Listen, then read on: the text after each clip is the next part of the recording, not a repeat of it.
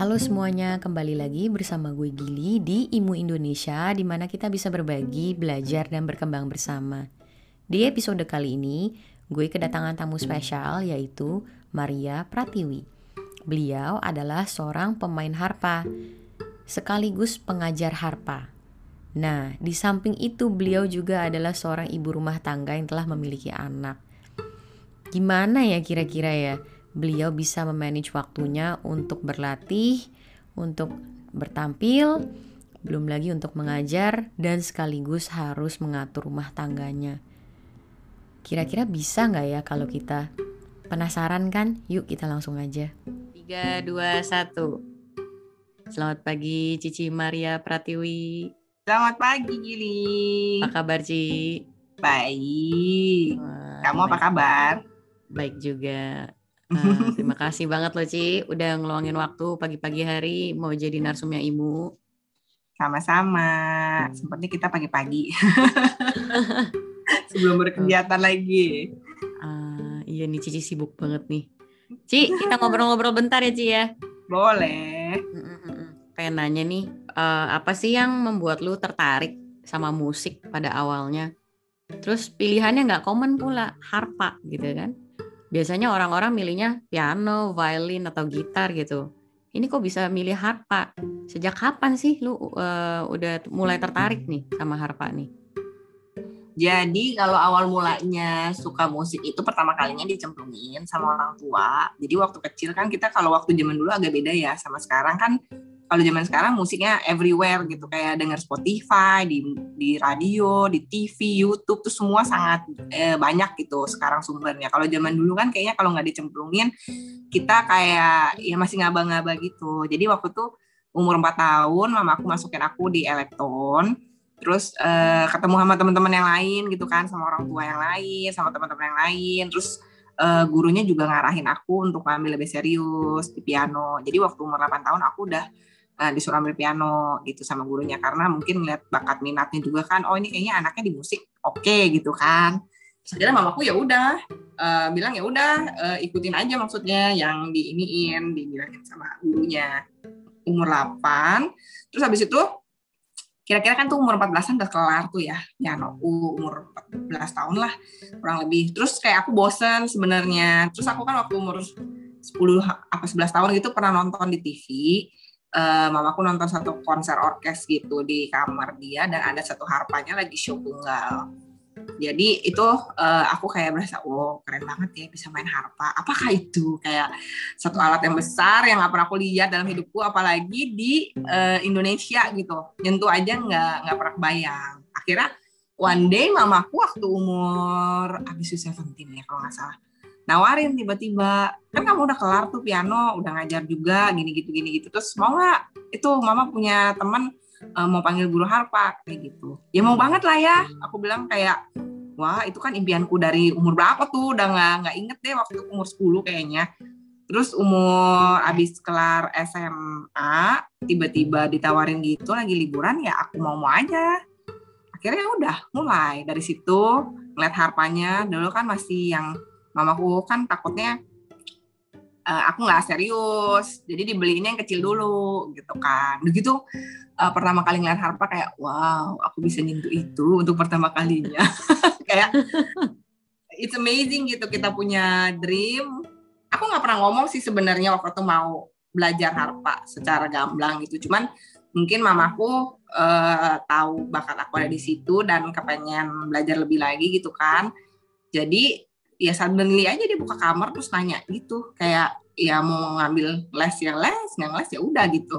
Cuman uh, ya puji syukur juga waktu itu mamaku nanyain hal itu gitu. Akhirnya ya mulai dari situlah aku belajar terus mendalami terus mencintai sampai mencintai gitu sampai akhirnya aku memutuskan untuk tadinya kan S1 ya kita kan ketemu waktu kita sama-sama kuliah ya itu nggak ada nggak ada harpa kan di situ padahal aku pengen banget ngambil uh, harpa di Indonesia sebenarnya cuman karena nggak ada ya udah akhirnya aku tetap les aja kayak biasa cuman hmm. punya nada dream lagi kalau pengen kuliah harpa di luar gitu wow ini kalau boleh tanya ada harpis tertentu yang jadi inspirasi Harpis iya. Uh, pertama kali itu aku uh, suka banget sama Isabel Moretti dari Prancis. Jadi hmm. uh, dia itu bisa benar-benar menjiwai dan sangat-sangat apa ya elegan banget gitu. Sedari muka penampakan sampai cara permainan dia itu yang bikin aku kayak terkagum-kagum sampai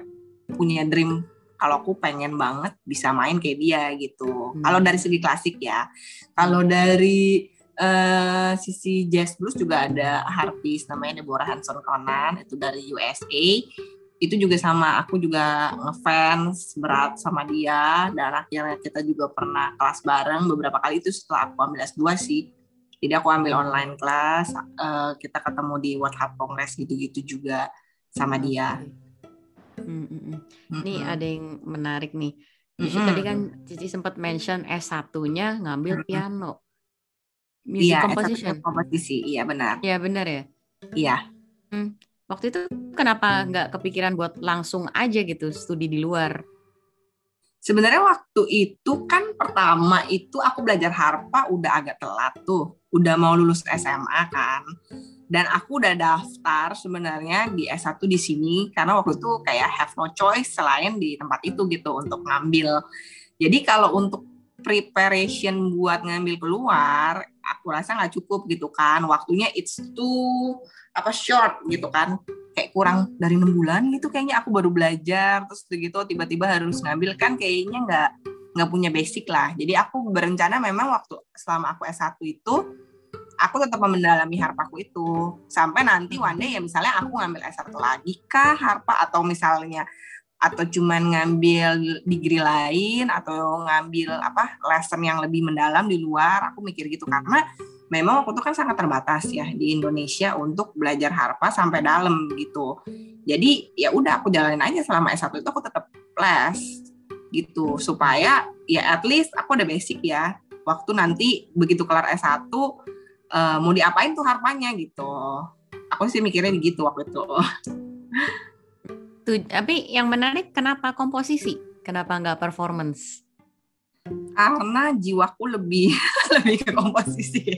Uh. Lebih kalau waktu itu sih aku lebih suka bikin sesuatu di balik panggung daripada jadi seorang performer yang di depan panggung pada saat itu karena aku dulu dari kecil nggak berani perform sebenarnya uh, pemalu banget terus kayak bisa nggak tidur dua minggu sebelumnya even sampai aku udah kuliah S2 iya bisa sampai kayak muntah dan segala macam jadi aku lebih pilih wow. Better aku yang di belakang panggung gitu cuman uh, dari kuliah kan juga kita belajar untuk perform kan di depan orang itu lagi kuliah S1 aja aduh udah udah kurus kering juga kayaknya kebanyakan nggak tidurnya.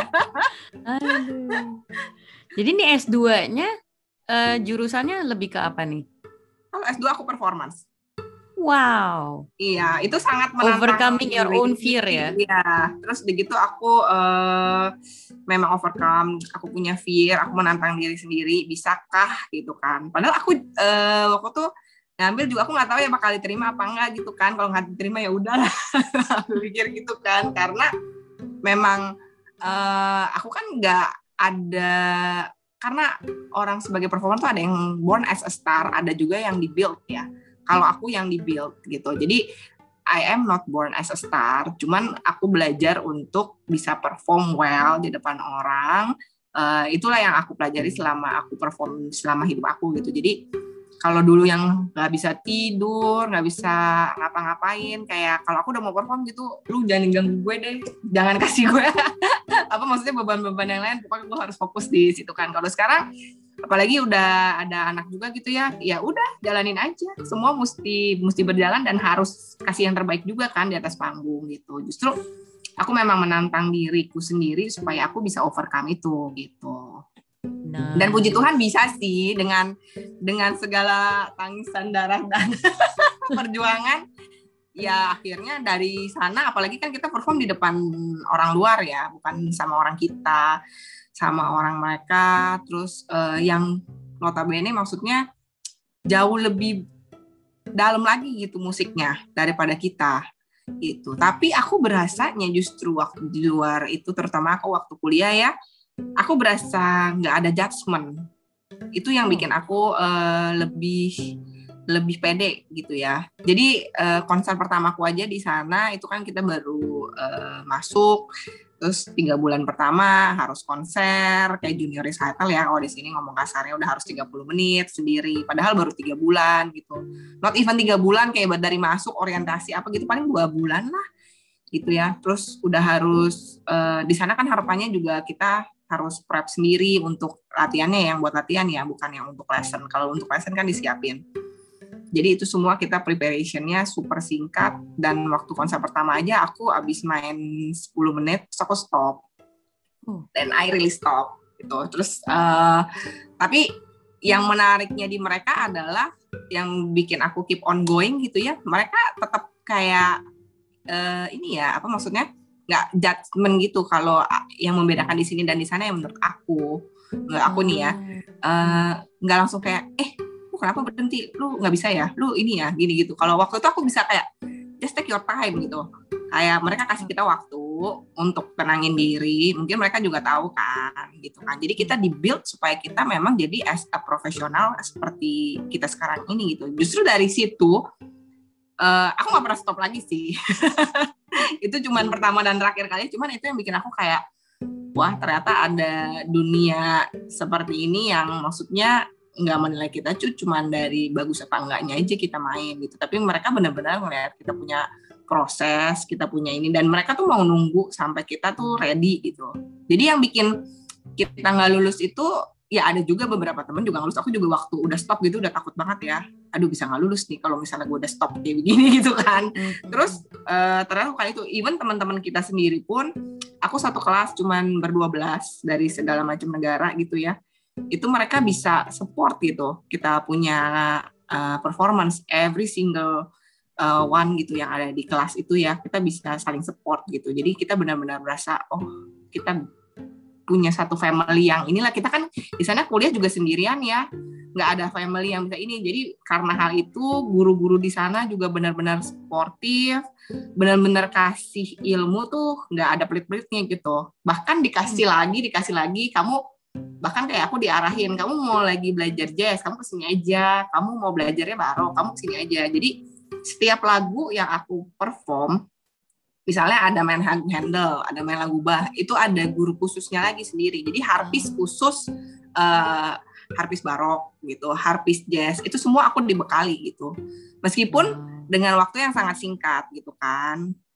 Tapi kalau puji Tuhan juga karena aku dapat guru yang memang seperti itu ya gitu aku nggak tahu kalau gue gimana maksudnya kayak dia bisa seopen itu uh, suruh aku belajar di orang-orang lain gitu nggak di cuma dia dan uh, dia suportif banget sih hmm. dukung Ini kita kalau boleh tahu si Ci, apa ngambil S2-nya di mana aku ngambilnya di London Goldsmith ah. University London. Tapi kalau oh. teacher aku dari Trinity College, dia yang bikin uh, semua silabus buat harp di Trinity kalau kamu tahu Trinity yang ada di ah, Indonesia yes. juga ya dia. Jadi sis the one yang iniin dan dia yang bawa aku muter-muter lah sampai keliling Eropa dan segala macem wow. juga dari dia gitu. Nice. jadi ya sangat-sangat sportif gitu ya. Ya beruntung juga sih waktu itu bisa ketemu sama dia juga kan gitu. Dan dia kaget juga karena ada orang Asia yang mau belajar di sana Uh, berarti juga jarang ya. Yang baru pertama kali, karena rata-rata kan dia ngajar uh, di Eropa sana kan, sama di UK. Dia kan base-nya memang di London, tapi aslinya orang Italia. Terus uh, dia memang kenalin aku ke semua murid-muridnya dia gitu kan kita memang ada kayak perkumpulan kayak setiap berapa bulan sekali kita harus harus ada ngumpul gitu untuk konser atau just sekedar master class gitu dan harus gitu. Oke oke. Ini apa sedikit tarik balik ke tadi mm. mengenai bedanya studi di sini sama di sana ya. Mm Hmm, tadi Cici sempat mention kalau uh, di sini berasa banget judgementnya. Kalau mm. di luar nggak dijudge. Berarti selama kuliah di sini uh, mm. waktu S1 itu kalau boleh cerita sedikit judgement seperti apa yang dirasakan gitu?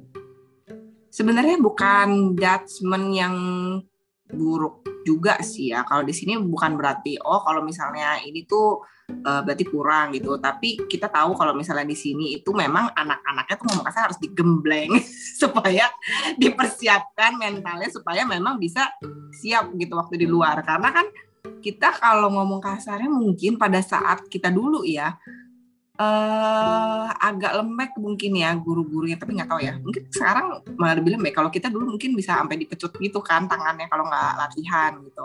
Jadi kalau di sini itu kalau kita misalnya stop atau gimana ya misalnya di satu konser atau apa pasti kebanyakan orang matanya agak melirik gitu.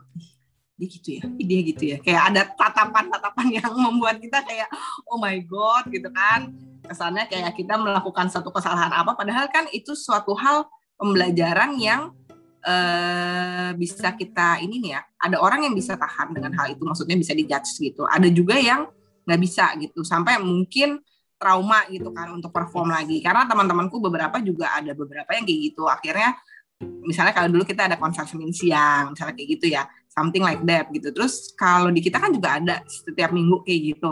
And it's normal gitu kalau misalnya itu tuh suatu pelatihan buat diri kita supaya kita bisa perform lebih baik lagi. Tapi kalau di sini aku sih ya berasanya kayak kalau begitu kita stop atau salah satu note aja kayak matanya kenapa sih lo? Kenapa kayak gitu? Lu kurang latihan ya? Lu kurang tidur ya? Kayak ada semacam omongan kayak gitu tapi nggak diomongin gitu. Kalau hmm. aku di sana berasanya setiap minggu kita perform sama hal yang kayak begitu. Uh, and uh, it's okay gitu to stop bahkan maksudnya kamu tuh memang belum di dunia profesional dan kamu di train untuk uh, menjadi seorang profesional gitu. Bukan berarti kita oh boleh stop ya it's okay gitu. Cuman cara ngetrainnya aja gitu berbeda gitu ya menurut aku. Hmm. tapi itu juga kayaknya tergantung negara deh. Tergantung negara. Jadi um, kalau aku kebetulan karena aku ke UK terus uh, yang aku juga tahu itu notabene itu dari dulu kayak udah dari lahir brojol kayak udah langsung musik gitu ya tapi ternyata mereka tuh tidak sebegitunya gitu. Cuman kalau kita di Vienna itu kayaknya agak berbeda sih, jujur hmm. gitu. Karena waktu itu aku juga sempat uh, mau ngambil kan, mau melanjutkan ke sana gitu kan ke ke Wien dan itu uh, agak berbeda gitu. Makanya itu semua juga tergantung negara, tergantung guru sebenarnya gitu. Aku nggak bilang, oh kalau di sana pasti nggak judgement sih, di sini judgement gitu enggak sih.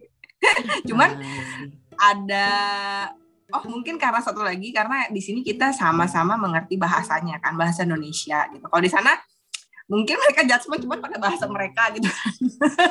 Jadi kayak kita kayak cuek-cuek aja. Berasanya lebih kalau di sini kayak main di kandang sendiri kali ya. Di situ di kandang orang jadi kayak lebih lebih feel secure kalau aku malah.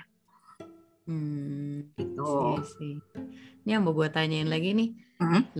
sebagai seorang Maria Pratiwi, udah seorang performer, teacher juga ya, teacher juga, ibu dari anak-anaknya, ibu rumah tangga pula.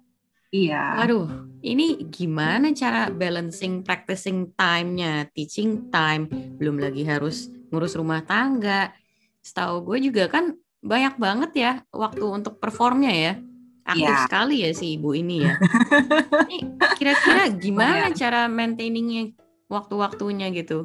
Jadi kalau aku dari sebelum punya baby, memang kan uh, suami aku udah tahu kan kegiatan aku yang begitu. Jadi dulu murid aku bahkan lebih banyak. Jadi uh, dan kita ada ensemble time, kita ada konser, kita ada segala macam gitu. Semuanya uh, sampai aku waktu punya baby, waktu aku hamil ya, uh, itu aku udah uh, meng-create gitu kayak waktu-waktu sendiri buat aku ngajar tuh jam berapa terus abis itu nanti kira-kira uh, aku harus istirahat jam berapa dan harus latihan di jam berapa itu udah ada. Terus aku sebisa mungkin memang waktu udah punya anak aku udah lahir itu aku sebisa mungkin memang kalau bisa performnya di weekend di weekend aja. Jadi uh, itu di weekend itu kan aku bisa titip anakku ke orang tuaku gitu karena aku nggak pakai neni sama sekali dari awal.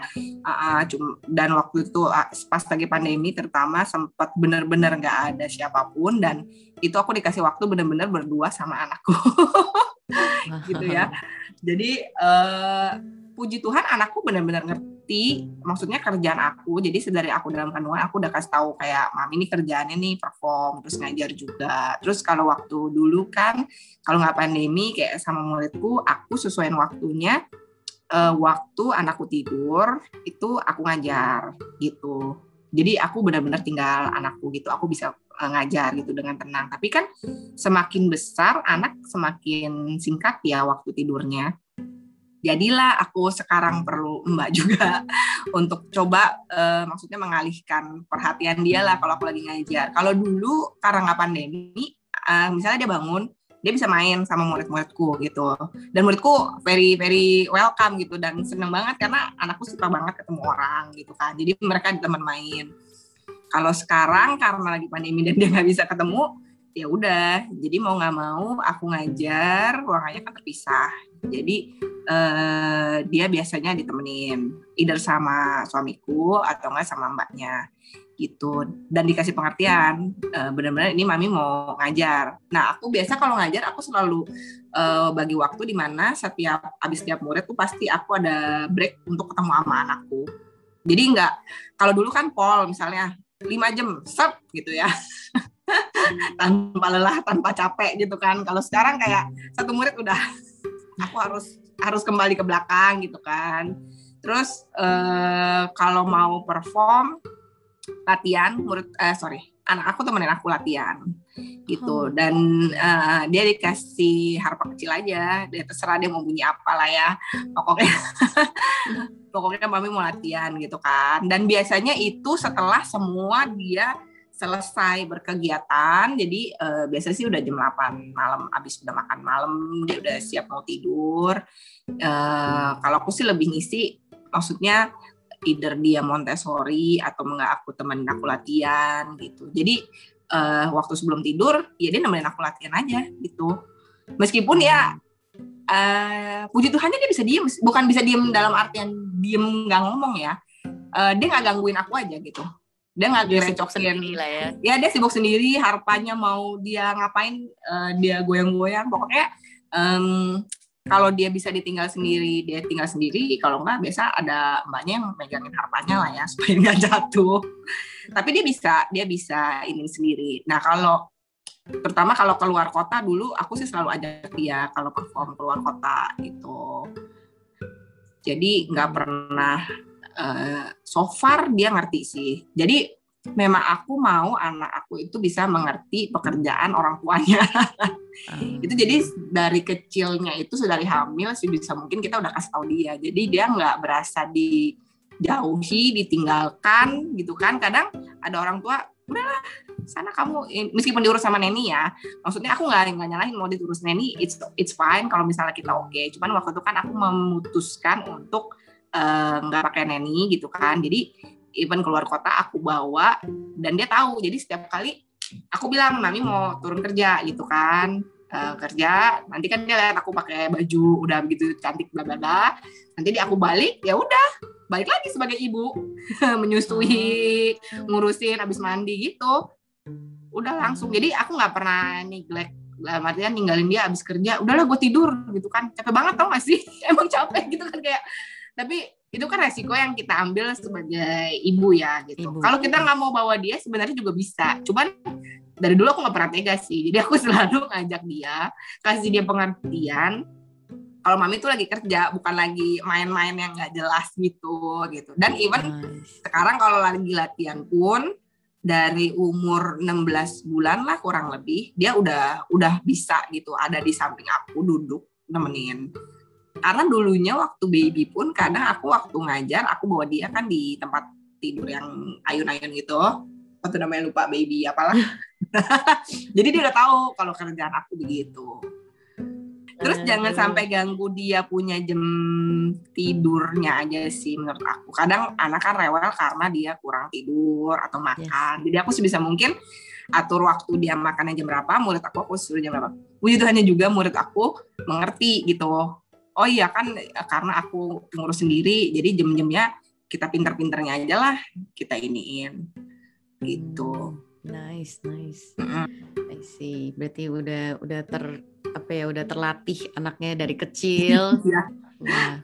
luar biasa sih. Nah, Ini kalau harus dari kecil, nggak bisa tiba-tiba kita eh, umur 2-3 tahun baru diajarin. Itu benar-benar harus dari baby sih, menurut aku. bener, Semakin bener. kecil, semakin dia mengerti apa yang harus dia lakukan gitu. Yes, betul, Mm-mm. gitu betul. Nah, ini eh lu kan juga ngajar buka Mm-mm. Maria Pratiwi Harp School ya. Mm-mm. Ini anak-anak umur berapa sih yang sebenarnya udah bisa mulai belajar harpa? Mm-mm. Heeh. Terus biasanya Kalau- genre musik apa yang diajarin di sekolah ini? Jadi kalau Maria Pratiwi Harp School itu sebenarnya kan eh, kumpulan dari murid-muridku semua yang belajar harpa, dia itu bisa start dari umur tiga setengah tahun sebenarnya. Wow. Ah, atau yang sudah bisa membaca Ah, gitu. Jadi eh, itu udah bisa mulai dari umur tiga setengah, tapi normally kita terima dari umur empat setengah sih. Karena kadang Tiga setengah udah bisa megang harpa gitu. bisa bisa. Karena kita kan juga ada yang kecil juga. Anakku yang ini sekarang dua tahun. Bisa. Wow. Wow. jadi tergantung juga dari orang tuanya. Kadang kan karena harpa itu cukup mahal jadi kadang orang tua kayak Arno jangan jangan jangan jangan gitu kan. Apa apa jangan apa apa jangan gitu kan. Jadi kayak kita agak susah juga ngajarinnya kalau memang masih dan anak yang super aktif agak susah untuk disuruh duduk manis diem kan jadi prefer sih aku umur empat setengah. Eh, udah mulai mau masuk ke SD kelas 1 gitu. Mereka udah lumayan ngerti. Dan mereka kan sekarang waktu TK juga udah bisa baca ya kurang lebih. Jadi itu udah oke sih. Sama kayak kita mau les piano juga umur segitu kan it's fine gitu. Itu tergantung orang tua dan anak. Dan kita kalau umur masih di bawah enam tahun pasti lesnya cuma 30 menit tapi kalau misalnya udah di atas 6 tahun itu kita udah bisa mulai di 45 dan sampai satu jam kalau anak-anak yang udah dewasa, kan aku banyak murid-murid yang dewasa, ibu muda juga gitu, yang Wow. sesama, eh, sesama aku juga gitu, maksudnya kayak umurnya gitu, itu bisa satu setengah jam, karena Hmm. mereka biasanya ngelesnya nggak per minggu, karena kan ngurusin anak juga, nganterin anak sekolah lah, kalau zaman waktu itu kan, jadi harus atur-atur waktu sebulan misalnya dua kali. Nah itu mereka rata-rata waktunya sih satu setengah jam. Jadi eh, dapat ilmunya apa terus nanti mereka bisa praktekin gitu. Ini genrenya lebih fokus ke apa nih? Klasik atau Kalau genre klasik, kita fokus pertama kali semua basicnya itu klasik. Tapi kalau misalnya kalian eh, nggak mau di klasik, itu rata-rata yang udah ibu muda ke atas ya, maksudnya udah di atas umur 25 lah. Mereka kan sudah bisa memilih. Itu kita ajarin lebih ke eh, pop, lagu-lagu yang mereka oke, tapi basic eh, penjarian dan segala macam itu tetap klasik. Gitu. Hanya pemilihan lagunya aja dan mereka kan prefer itu ngomongnya kelas hobi ya kalau aku. Jadi bukan kelas yang kalau kita dari kecil kan ada target harus ujian, harus konser, harus apa gitu. Kalau mereka itu namanya kelas hobi. Jadi di kelas hobi itu mereka boleh memilih eh, mau diklasikin, mau ujian juga boleh, mau hanya sekedar suka dan minat eh, karena untuk misalnya banyak kan sih untuk pelayanan di gereja, ada yang guru sekolah minggu gitu kan. Eh, jadi mereka mau belajar untuk memilih itu boleh. Jadi aku bisa mengajar untuk hal itu juga akompanimen kayak gitu-gitu. Karena dulu kan basicnya juga komposisi ya. jadi jadi ada ada ada bisa dua bagian lah. Jadi klasik dan kelas hobi gitu. Di kelas hobi pun tetap basic cara pemegangan, cara main, teknik jari itu semua harus klasik kalau dari aku. Hmm, jadi ini tadi kan apa? Tadi lu sempat mention eh, kalau yang anak-anak diajarinnya tetap dari klasik, tapi kalau yang kelas hobi buat ibu-ibu lebih preferensi mereka lah mau pop atau dan sebagainya kan. Hmm. Nah, Ini eh, menurut Ci Maria sendiri dengan pop culture yang begitu hype hari ini gitu, gimana sih eh, supaya anak-anak Indonesia ini tetap mau belajar basic klasik dan juga mau mengenal rootsnya lagu anak-anak Indonesia? Ada tantangannya nggak di situ? Iya. Rata-rata anak zaman sekarang nggak tahu ya lagu-lagu Indonesia kayak balonku, si semut gitu. Aku kadang kaget, hah masa si semut kamu nggak tahu sih? Eh anak aku aja tahu gitu kan. Kadang aku suka kasihan juga sebenarnya gitu. Cuman kita berusaha kalau aku sih sambil singing juga. Terus aku uh, sebisa mungkin kalau dulu ya sebelum pandemi setiap tahun pasti kan ada konser bareng. Dan aku selalu pasti ada lagu Indonesia uh, aku aransemen itu bisa. Jadi dia aransemen semenarik mungkin nggak cuma satu harpa. Biasa kan aku kalau ensemble minimum lima harpa gitu kan. Jadi kayak ada pembagian suara gitu segala macem. Dan dari situ kita bisa belajar lebih tahu oh lagu Indonesia ada ini. Kayak ampar-ampar pisang mereka juga nggak tahu gitu kan. Kayak aku waduh kamu SD-nya di mana? Gitu ya kan. Kadang aku yang kayak Miss aku cuma taunya uh, lagunya gundul-gundul pacul. Ya udah kamu main. Aku kan biasa kayak bikin medley gitu ya kurang lebih kayak 5 menit sampai 6 menit. Tapi aku kasih apa cuplikan-cuplikan lagu itu semua. Jadi di, di satu anak nggak tahu di satu anak lagi tahu. Teman karena latihan ensemble dan mereka harus diharuskan main lagu itu jadi mau nggak mau mereka mainkan dan kalau bersamaan kan mereka kayak ada pacuan oh iya ya kenapa dia tahu gua nggak tahu? gitu kan. Ngomongnya kasarnya kalau anak kecil kompetisinya kan kalau tuh anak bisa aku harus bisa gitu kan. Jadi aku lebih iya jadi ada pressure apalagi orang tuanya kok kamu nggak bisa sih main kayak gitu lagu? gitu. Kalau aku sih nggak aku nggak gituin. Cuman kadang uh, anak-anak tuh harus harus dipacunya kayak terselubung gitu. Dalam artian nggak dikasih lagu mentah-mentah kamu udah kamu belajar aja di rumah gitu kan kalau aku biasa ada MP3-nya juga aku kasih contoh juga kalau main bersamaan gimana terus umumnya kalau kita udah latihan bareng itu mereka jadi lebih ada pacuan gitu. Mungkin hari pertama kayak mereka bingung gitu kan. Kok aku cuma tahu lagu-lagu BTS, terus lagu-lagu kayak Blackpink gitu kan.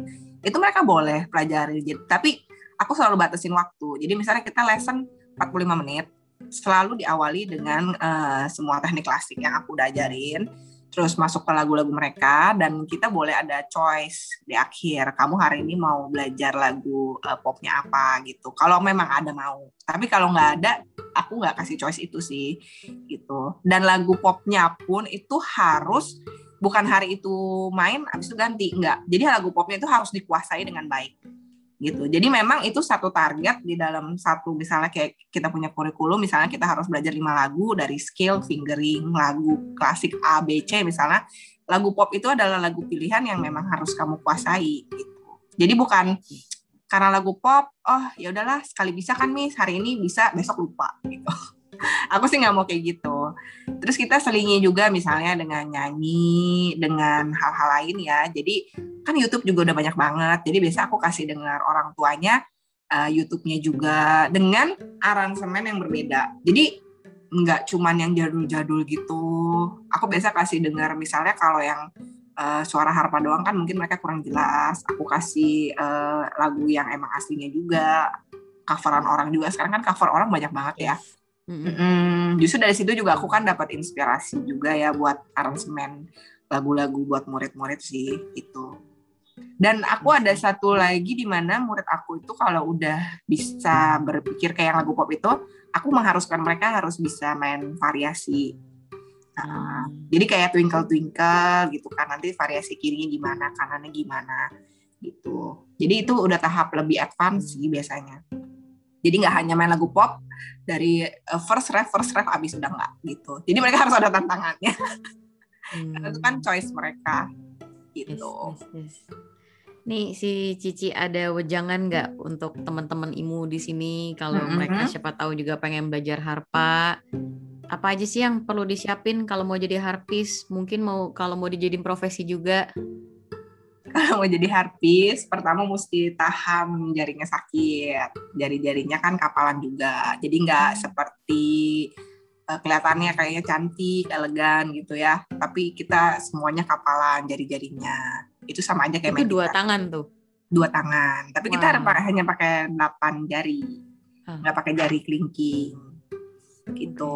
Nah terus begitu kalau mau jadi harpis juga jangan beranggapan oh nanti aku bisa langsung main lagu duduk manis cantik dengan gaunku yang indah itu terus aku bisa post. Itu mendingan kamu jadi foto model aja gitu. Karena hmm. semua namanya musik itu mesti belajar dari nol. Terus eh, nggak uh, ada yang namanya instan. Karena aku sendiri sebagai guru belajar sampai hari ini aku juga belajar. Aku sebagai performer pun belajar. Dari aku perform awal sampai hari ini pun setiap kali performer belajar. Karena setiap panggung berbeda gitu kan ya. Terus uh, setiap uh, situasi, lokasi itu semua berbeda. Jangan dianggap oh kita tinggal duduk manis cantik itu kadang aku suka agak gemesnya gitu kan. Kamu kan tinggal duduk manis cantik, main pakai baju gitu. Iya, tapi kan kita kan latihan, kita kan main, kita preparation lagunya gitu ya. Itu tuh banyak banget hal-hal di luar yang kita duduk manisnya itu doang gitu. Makanya aku bilang kalau kamu cuma mau duduk manis cantik dan bisa difoto dengan elegan, kamu jadi foto model aja. Kamu beli harta, terus kamu jadi foto model aja gitu. Sedangkan kita kalau mau jadi in harpis sebagai profesi itu benar-benar harus bisa menguasai yaitu semua bukan hanya tekniknya tapi attitude-nya juga tapi kita tahu lagunya juga terus uh, tahu kondisinya juga. Jadi uh, itu semua jadi satu kesatuan gitu ya kalau mau jadi performer. Nggak bisa cuman skillnya aja tapi attitude-nya dilupakan. Nggak bisa attitude aja tapi nggak ada skillnya maka kita perlu latihan kan gitu. Jadi itu semua berkesinambungan untuk dijadiin profesi itu sebagai harpis itu mungkin banget apalagi zaman sekarang. Dan semua kan berlomba-lomba ya untuk menjadi apa harpis juga uh, violinis yang handal pianis yang handal. Itu semua harus dengan latihan, konsistensi, disiplin. Terus meskipun udah sesibuk apa pun, segala apa pun, lagi udah jadi mama gitu kan ya, uh, kayak pengen tidur aja, tapi besok perform gitu kan, mau nggak mau harus latihan, latihan dan latihan.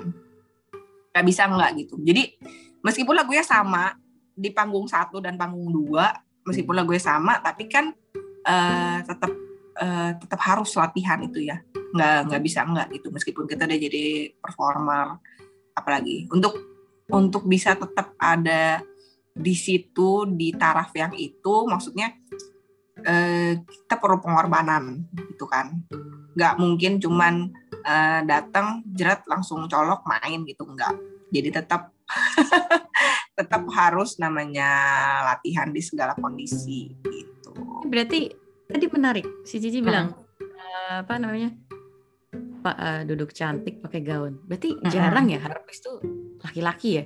Gak ada yang duduk ganteng gitu ya? di sini di sini sih masih lumayan jarang. Tapi kalau di luar negeri sebenarnya itu banyak kan laki-laki. Karena hmm. harpis itu dahulunya hanya boleh dimainkan oleh eh, laki-laki, tidak boleh oleh perempuan sama sekali hmm. di Eropa terutama dari pertamanya kalau kamu tahu King David juga itu uh, semua laki-laki yang main uh, harpis-harpis handal pencipta buku segala macam itu semuanya laki-laki jadi baru bermunculan perempuan itu sekitar 1948 gitu pas zaman Chopin itu baru muncul itu uh, harpis-harpis perempuan itu pun dari guru seorang harpis laki-laki dari Carlos Salcedo gitu itu punya murid harpis perempuan. Jadi uh, zaman dulu waktu harpa muncul pertama kali itu perempuan tidak boleh main musik. Tidak hanya main harpa, tidak boleh main musik waktu di zaman itunya apalagi main harpa. Jadi hanya laki-laki yang boleh perform. Itu sih. Terus akhirnya makin ke sini uh, makin banyak kan wanita yang mempelajari, makin banyak profesor juga yang wanita yang tadinya semua harus laki-laki Terus profesor-profesor itu kan menghasilkan murid-murid yang perempuan dan mereka mengajar gitu kan. Barulah muncul perempuan. Nah, barulah eh, terutama di Indonesia sih di mana seorang harpis itu dituntut untuk cantik, eh, untuk bisa menggunakan gaun yang eh, indah dan segala macam. Most likely itu di Indonesia bukan cuma uh, di Asia pun even di luar negeri nggak se ininya di Indonesia sih menurut aku ya. Jadi kalau kita di sini lebih dituntut dituntut ngomong kasarnya mungkin karena image mereka kan harpa mahal gitu kan. Jadi pasti yang main memainkan itu harus dengan apa daun dan image yang mahal juga gitu untuk mendukung itu. Padahal kalau kamu lihat konser-konser di luar itu mereka tuh ya hanya pakai gaun simple perform well gitu tapi itu udah menunjukkan kecantikan mereka gitu tapi kalau di sini selain teh uh, justru kalau sini kebalikannya kayaknya gaunnya judul yang dilihat baru tekniknya Oke oke menarik nih. Iya. Cici kita udah sampai di penghujung acara satu yeah. pertanyaan terakhir lagi. Mm-hmm. Apa nih impian dari seorang Maria Pratiwi sebagai seorang edukator harpa? ke depannya? Kalau dulu pertama kali balik dari UK, aku pengen banget di sini mengenalkan harpa ke terutama di Indonesia ya, dan nggak cuma di Jakarta doang. Itu benar-benar mimpi aku supaya mereka semua di sini bisa menerima pelajaran um, musik harpa itu diterima gitu di sini bukan hanya sebagai musik yang mahal, yang eksklusif, tapi tapi bukan murahan juga ya. Jadi maksudnya bukan yang kayak oh menggampangkan gitu enggak, tapi aku pengen mereka bisa membumi bisa uh, menyatu dengan masyarakat lain gitu kan dan puji Tuhan sih selama aku lima tahun ini bisa ya karena kita kan uh, kayak konser bareng-bareng kita membawa harpa kita tuh nggak cuma di kalangan atas tapi kita juga membawa ke apa eh, konser-konser uh, orkestra ke konser-konser bersama yang komunitas jadi mereka lebih ngerti oh kalau harpa tuh nggak segitu tingginya sampai nggak bisa dicapai. Kayak waktu aku zaman waktu aku belajar pertama kali kan kayaknya jauh banget gitu kayak nggak bisa digapai gitu kan. Sedangkan sekarang lebih membumi ya. Dan kita juga uh, memfasilitasi murid-murid supaya anak-anak itu juga bisa mendapatkan harpa yang terbaik buat mereka gitu. Terus kalau untuk ke depannya lagi uh, ya semoga sih dunia perharpaan di Indonesia itu lebih uh, menyatu gitu. Jadi nggak pakai kubu-kubuan gitu kan. Terus begitu lebih um, apa lagi ya? Istilah lebih memumi itu pastinya dan lebih um, bisa didengar sampai ke atas sih ke pemerintah dan segala macam dan kita dilihat karena kita jujur aja kayak buku-buku segala macam itu semuanya nggak ada di Indonesia jadi uh, uh, harus dari luar. Aku pengen kalau bisa ada yang bisa mengimpor mungkin lebih difasilitasi lah ngomong kasarnya. Kalau sekarang kan piano udah udah jauh lebih ini ya, lebih baik lagi dari 10 tahun yang lalu ya. Udah difasilitasi segala macam. Kalau sekarang kan jujur kalau harpa kalau nggak dari gurunya yang kita cari bukunya gitu nggak mungkin ada lah di Indonesia. Nggak oh. mungkin gitu. Okay, Jadi kita gurunya itu kan uh, sebisa mungkin memfasilitasi murid. Tapi aku pengen kalau bisa dari budaya di sini lebih menerima harpa itulah sebagai satu kesatuan musik di Indonesia gitu. Bisa ada kompetisi di sini soal harpa seperti kompetisi piano, kompetisi biola gitu ya. Dan dan lebih sportif. Jadi lebih enak lah kita kalau kita nggak sportif kan susah juga ya. Iya. Oke oke. Cici, thank you banget buat waktunya, buat sharingannya. Ya, sama-sama. Ini kalau misalnya temen uh, teman-teman imu di sini nanti ada yang nanya, Gil, kalau apa tadi uh, pengen jadi muridnya Maria Pratiwi, gimana cara nih? Mesti hubungin ke mana? Atau pengen sekedar ngobrol mungkin konsultasi tentang harpa, boleh nggak nih hubungin si Cimaria nih? Boleh nanti melalui DM di Instagram aja. Boleh tolong disebutkan? Uh, kalau Instagram aku at Maria Pratiwi underscore Harpis itu bisa dari situ. Jadi nanti bisa langsung kontak aku by DM. Terus bisa mungkin, memang aku uh, nggak langsung buka ya. Cuma sebisa mungkin aku pasti balesin setiap kalian yang bertanya, apalagi yang mau tahu ya soal harpa. Karena banyak banget sebenarnya memang yang pengen tahu gitu. Dan banyak juga di daerah di luar Jakarta yang pengen ada harpa gitu. Jujur kalau aku disuruh ngajar keluar Jakarta belum bisa. Maaf aja gitu. Dari dari dulu aku selalu diminta gitu belum bisa selain online gitu. Jadi uh, karena sekarang udah teknologi lebih maju jadi lebih baik memang uh, online gitu. Cuman memang disarankan sebisa mungkin punya harpa dulu. Karena sayang ya kalau udah online tapi nggak ada harpanya terus aku mesti gimana ngajarnya? Jadi yang bisa dihubungin di Instagram, Instagram, ada lagi platform lain atau gimana? Platform lain bisa melalui website aku sih www.mariapratiwi.com itu bisa juga uh, dari situ bisa direct message juga langsung ke aku atau email dari situ bisa email juga sih uh, atau kalau ke email di maria.ptw87@gmail.com hmm, oke oke Oke deh, thank you Cici. Sampai ketemu Sama-sama. lagi. Terima kasih untuk teman-teman Imu Indonesia yang telah menonton podcast kali ini. Jangan lupa tekan tombol like dan subscribe. Apabila merasakan manfaatnya, silahkan di-share. Dan jika teman-teman ingin mengikuti perkembangan IMU Indonesia, silahkan follow kami di Instagram at IMU underscore Indonesia. Dan juga bisa di Facebook page kita, Intelligence and Music. Sampai jumpa kembali di episode berikutnya.